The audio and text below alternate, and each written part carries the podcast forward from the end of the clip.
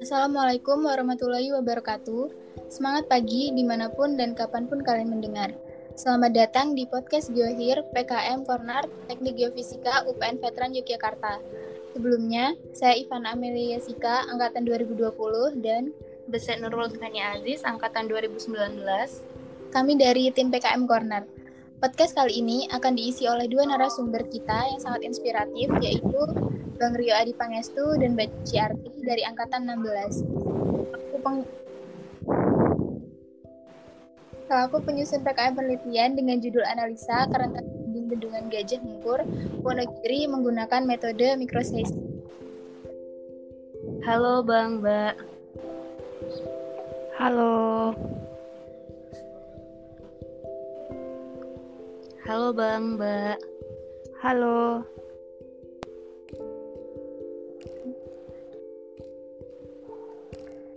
Gimana nih kabarnya Bang, Mbak? Alhamdulillah baik. Alhamdulillah. Uh, langsung saja ya kita masuk ke inti podcast uh, kali ini. Uh, pertanyaan pertama itu uh, kenapa uh, Mbak Cici sama Bang Rio uh, bisa ikut PKM dan motivasinya ikut PKM PKM apa aja ya Bang Mbak? Mungkin dari uh, Mbak Cici dulu. Oh ya. Jadi uh, motivasi aku ikut PKM tuh dulu waktu zaman-zaman masih maba gitu kan. Awal tuh aku kan uh, ada ikut acara dari salah satu KM gitu.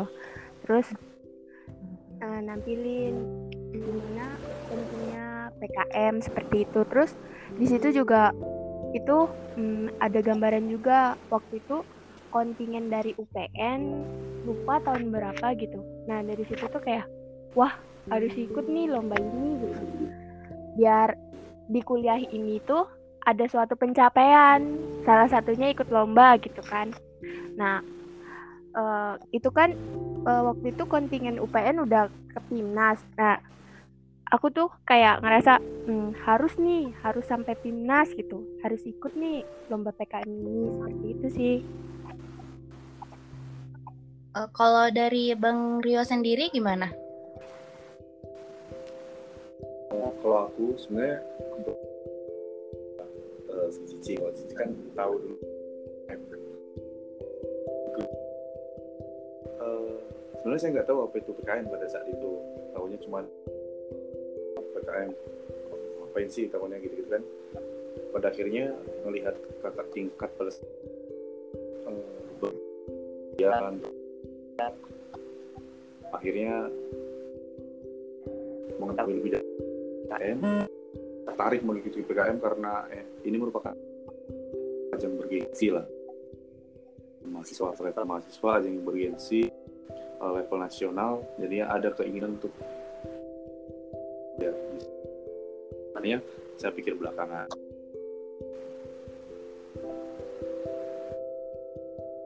Wah benar banget Mbak. Kalau kuliah itu kan selain menuntut menuntut ilmu kita juga bisa cari pengalaman dari lomba-lomba.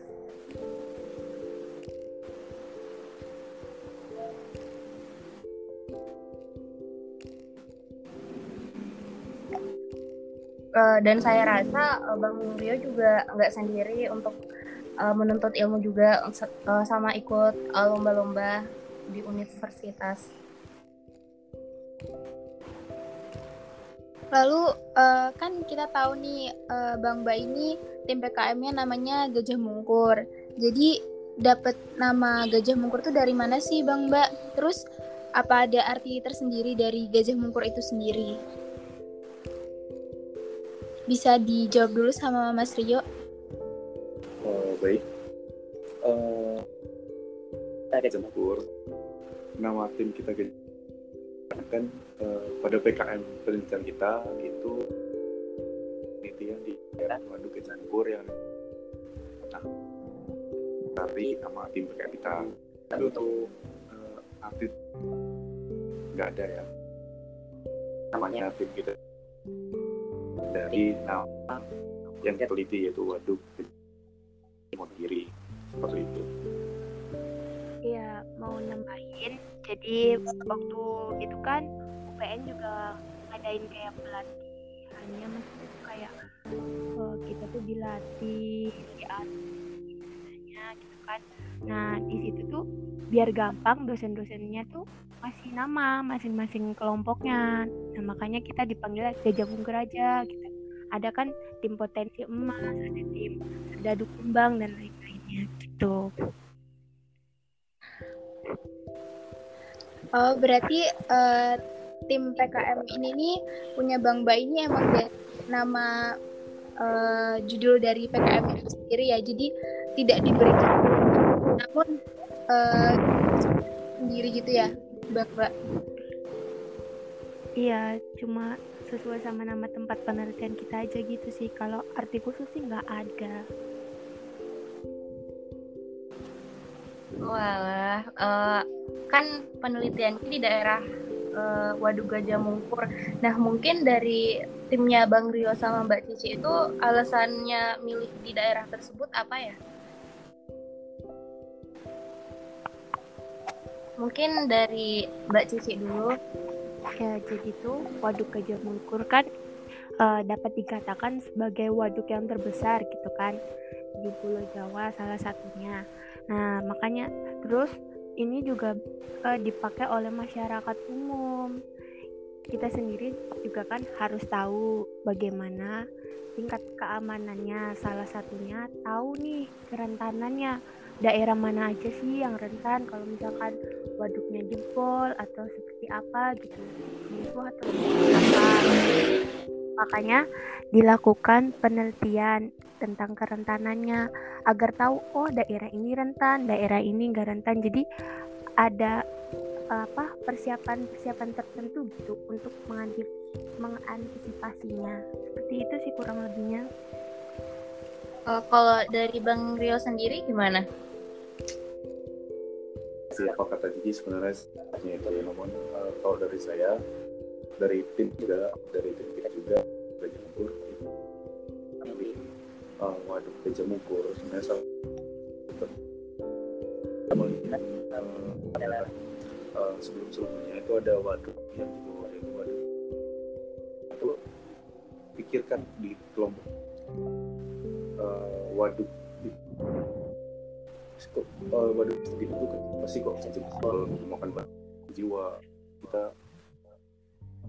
Kita jadi kita cari waduk terbesar satu ter teliti belum ada kejadian terulang lagi. Itu sebelah itu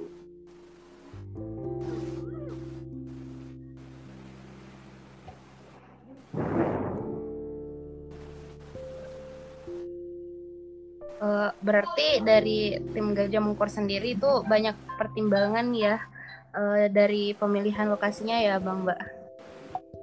ya Iya, ada beberapa pertimbangan. Lalu Bang Ba ini eh, melakukan penelitian di Waduk Gajah Mungkur ini tuh ngapain aja sih Bang Ba? Terus untuk apa aja gitu? Lalu setelah itu data yang didapat digunakannya untuk apa?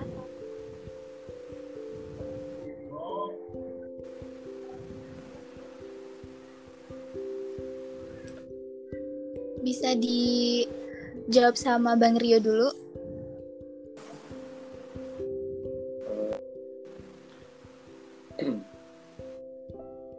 yang pertama kita tuh merancang dulu kita survei dulu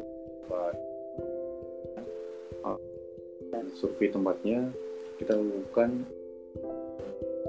di mana kita akan melakukan penelitian menggunakan tersebut. Tapi dapat titik-titik. Eh, kita dulu estimasi berapa hari kita bisa eh, berapa hari dan eh, itu untuk biaya yang akan eh, itu kan berkaitan dengan penyewaan alat, penyewaan tempat eh, transportasi dan lain itu harus ber- agar tidak adanya salah keuangan di PKM ini. Terus oh, untuk apa? Nah, kita selain meneliti kita juga uh, mendapatkan uh, tersebut dan data di daerah yang kota kita dapatkan uh, hasil berupa tanah dinding bendungan dan kerentanan. Nah, dan kalau dari tim Gajah sendiri dari tim kita data kita kan untuk lomba dan juga proceeding dan kita gunakan tersebut kita kita daftarkan baik dari ini itu bisa untuk topik skripsi seperti itu. Kalau dari Mbak Cici sendiri gimana? Ya, datanya sendiri juga uh, apa kayak dikasih tahu ke pengurus bendungannya juga gitu ke masyarakat gitu. Jadi biar tahu manfaatnya apa sih dari penelitian kita kan biar uh, masyarakat gitu. Kalau daerahnya ada yang dapat uh, kena kerentanan yang cukup tinggi itu sih. Uh, Oke, okay, Bang Rio dan Mbak Cici, uh, mungkin dari Bang Rio atau Mbak Cici bisa jelasin kepada pendengar mengenai cara garis besar metode mikroseismik itu apa apa sih? Mungkin Mbak Cici ya, terlebih ya, dahulu. Jadi, jadi metode mikroseismik ini uh, metode pasif gitu kan. Nah, itu uh, pakai alat alatnya kami kaget uh, maaf mbak uh, suaranya nggak terdengar. Oh ya jadi ini kan metode geofisika yang pasif gitu kan.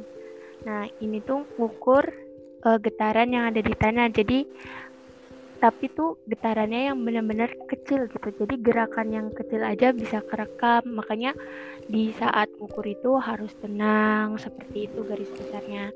Nah nanti tuh dari situ nanti diketahuin mana sih yang rentan mana sih yang enggak seperti itu sih. Kalau dari Bang Rio sendiri gimana? Kalau dari saya benar sih apa kata Cici di mikroseismik misalnya jadi uh, itu kita menangkap uh, tiga sinyal komponen. Yang di mana sinyalnya itu ada komponen vertikal up, uh, horizontal up dan horizontal north south dan west nah tangkap. Nah kenapa kok digunakan mikroseismik sih? Di pertimbangannya kan di bendungan itu di dinding bendungannya getarnya terlalu besar. Jadi alasan kita menggunakan artinya kita ingin menangkap. Ini kita ingin tak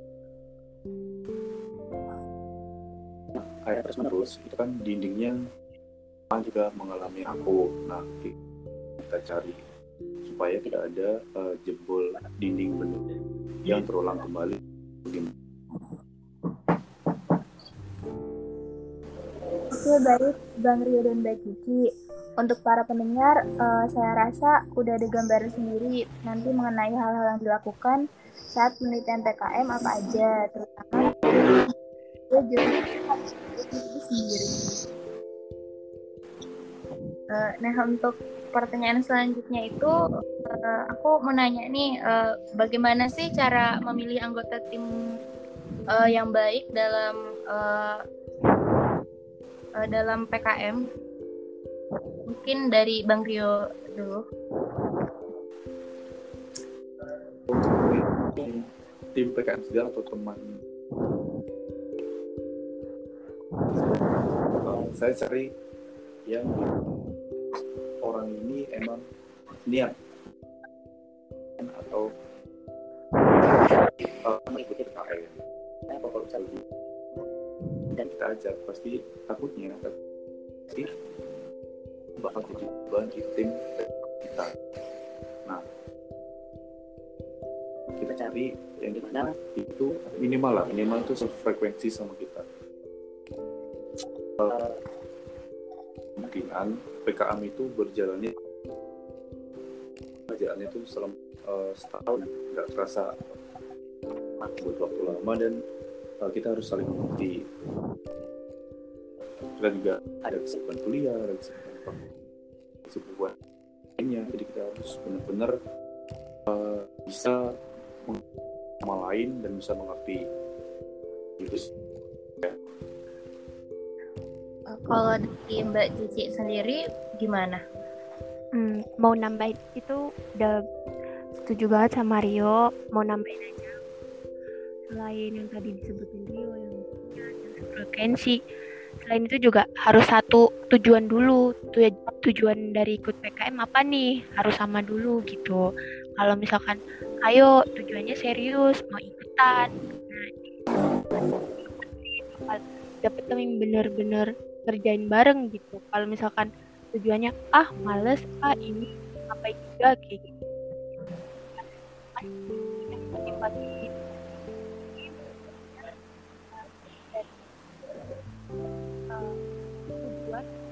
akan kamu lakukan sampai mana dan itu nanti bakal ditanyain sendiri kalau misalkan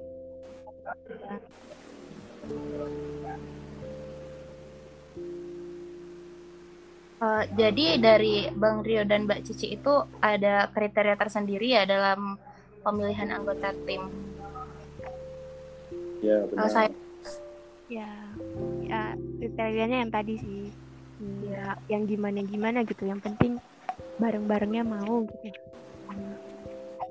Uh, saya rasa hal tersebut benar banget sih Mbak uh, dan Bang biar PKM kita tuh bisa berjalan dengan lancar apalagi kan kalau sampai PIMNAS.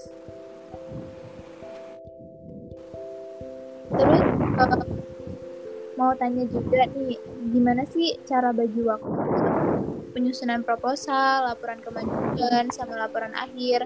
Apalagi kan kayaknya tim PKM dari Bang Mbak ini kan satu angkatan gitu. Bisa dijawab dulu sama Mbak Cici. Ya, untuk lap, misal nih laporan kemajuan. Laporan kemajuan kan dikerjainnya sambil jalan gitu Nah, pasti tuh banyak banget yang diurus kayak masalah datanya, masalah keuangannya, terus penulisan laporannya gitu kan.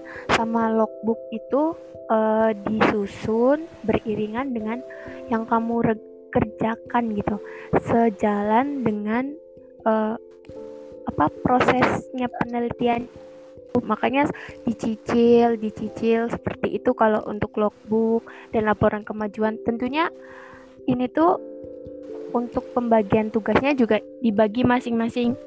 Kamu ngerjain ini, kamu ngerjain ini seperti itu kan. Terus untuk kesibukannya juga dibagi gitu. Misalkan oh si si ini sibuk ini, ya udah di backup dulu. Si ini sibuk ini gitu. Nanti jadi gantian gitu. Itu sih kalau masalah laporan akhir kan dikerjainnya di akhir tapi sebelum final uh, ke Pimnasnya gitu kan. Nah, di situ benar-benar dikerjainnya itu waktunya kalau nggak salah nggak terlalu la nggak lama kayak laporan kemajuan jadi semuanya harus sudah disiapin benar-benar gitu. Dan uh, bagi tugasnya harus benar-benar juga selain bagi tugas yang penting juga harus saling cross check satu sama lain. Di sini itu penting banget gitu. Jadi manajemen waktunya ketelitiannya gitu. Dan hmm, saling apa ya kalau misalkan salah satu ada yang kurang saling bantu gitulah.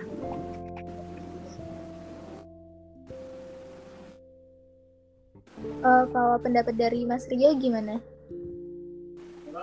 Kalau dari saya benar sih apa kata Cici ya, mulai dari pembagian tugas. Masing-masing setelah itu ketika ada kendala yang lain bisa. Nah itu nah, jadi penyusunan ini kan semua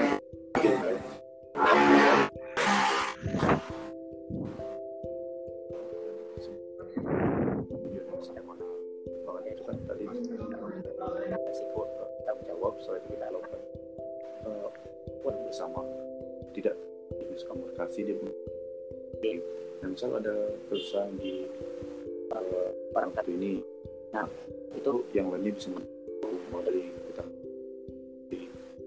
uh, pembelajaran dan lainnya terus ini kan tim kita salah satu mas. jadi. Nah sebenarnya kita nggak satu terdiri dari tiga orang. Dan seterusnya dan berbeda ada ini di bahasa itu di enak juga. Ya dan berenam. Itu lagi. Ya. Itu bisa di jadi ya, jadi ketika si angkatan mas lagi sibuk dengan skripsinya jadi kita juga tugas beliau kita kerjakan bersama-sama. Jadi seperti itu. Nah bener nih bagi pendengar podcast bisa banget diterapin tips dan triknya yang udah dijelasin dari narasumber tentang gimana sih cara bagi waktu di sela-sela kesibukan. Dengan cara misalnya kayak saling bantu terus saling mengerti satu keadaan satu sama lain kayak gitu sih.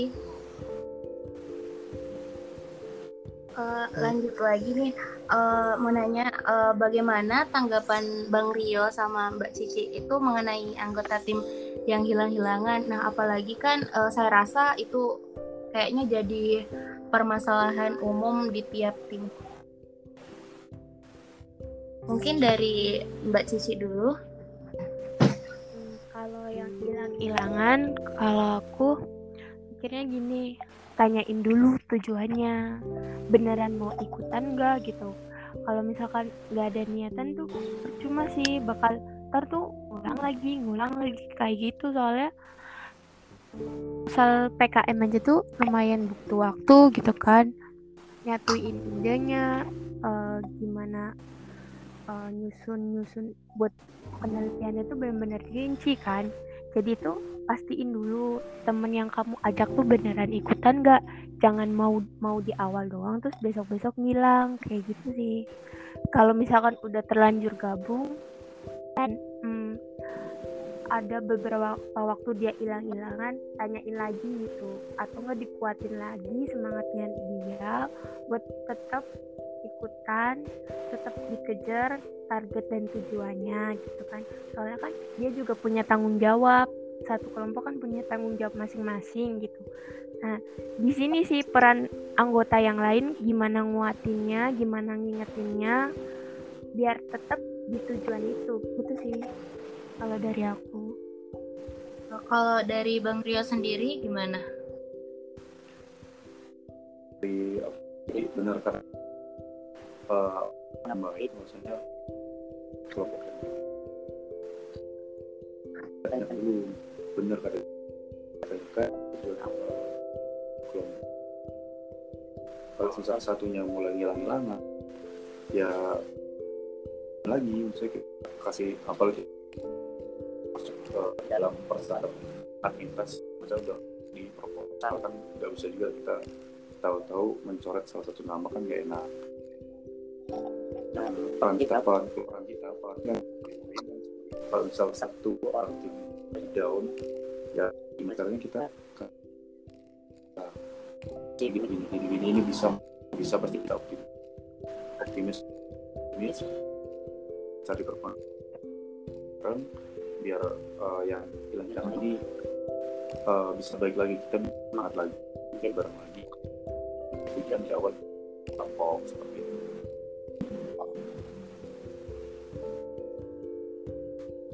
uh, Oke okay, bang, mbak. Berarti di sini peran masing-masing anggota tuh sangat benar-benar diperluin ya untuk mencapai tujuan bersama. Iya. Iya, Eh, pertanyaan selanjutnya ya Bang Mbak. Jadi tuh kayak di tim Gajah Mungkur ini nih apa sih yang menjadi daya saing tersendiri gitu sehingga uh, tim Gajah Mungkur ini bisa maju ke Pimnas?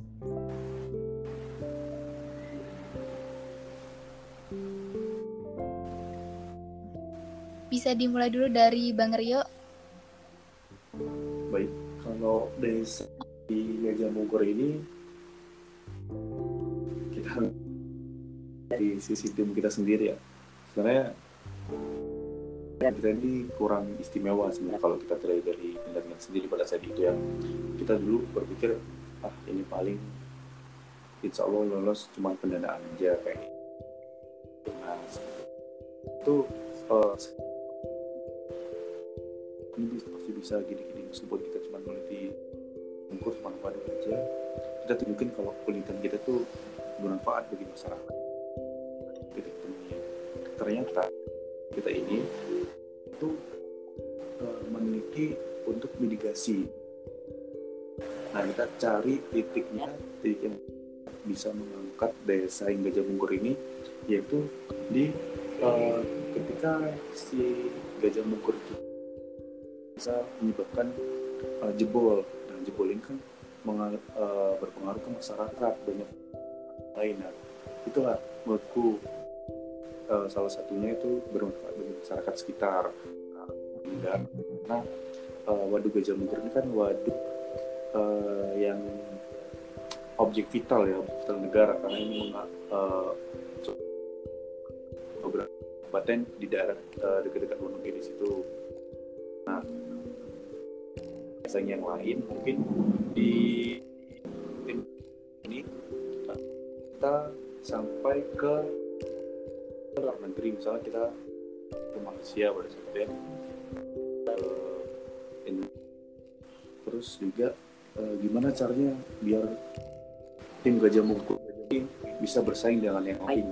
Nah pada saat itu kita menggebuk tim Gajah Mungkur. Caranya data kita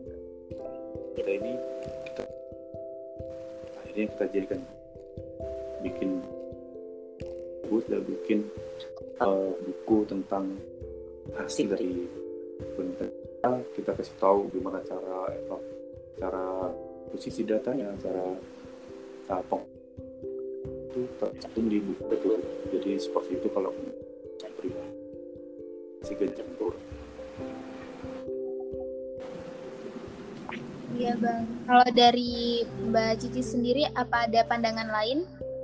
Ya, kalau aku nambahin dari Rio, yang Rio katakan itu benar uh, beberapa hal lain hal lainnya. Selain itu juga metode yang kita pakai juga kan dari metode geofisika gitu. Kadang uh, metode ini kan apa sama masyarakat umum. Nah, gimana cara kita nyampaikan ke masyarakat gitu kan?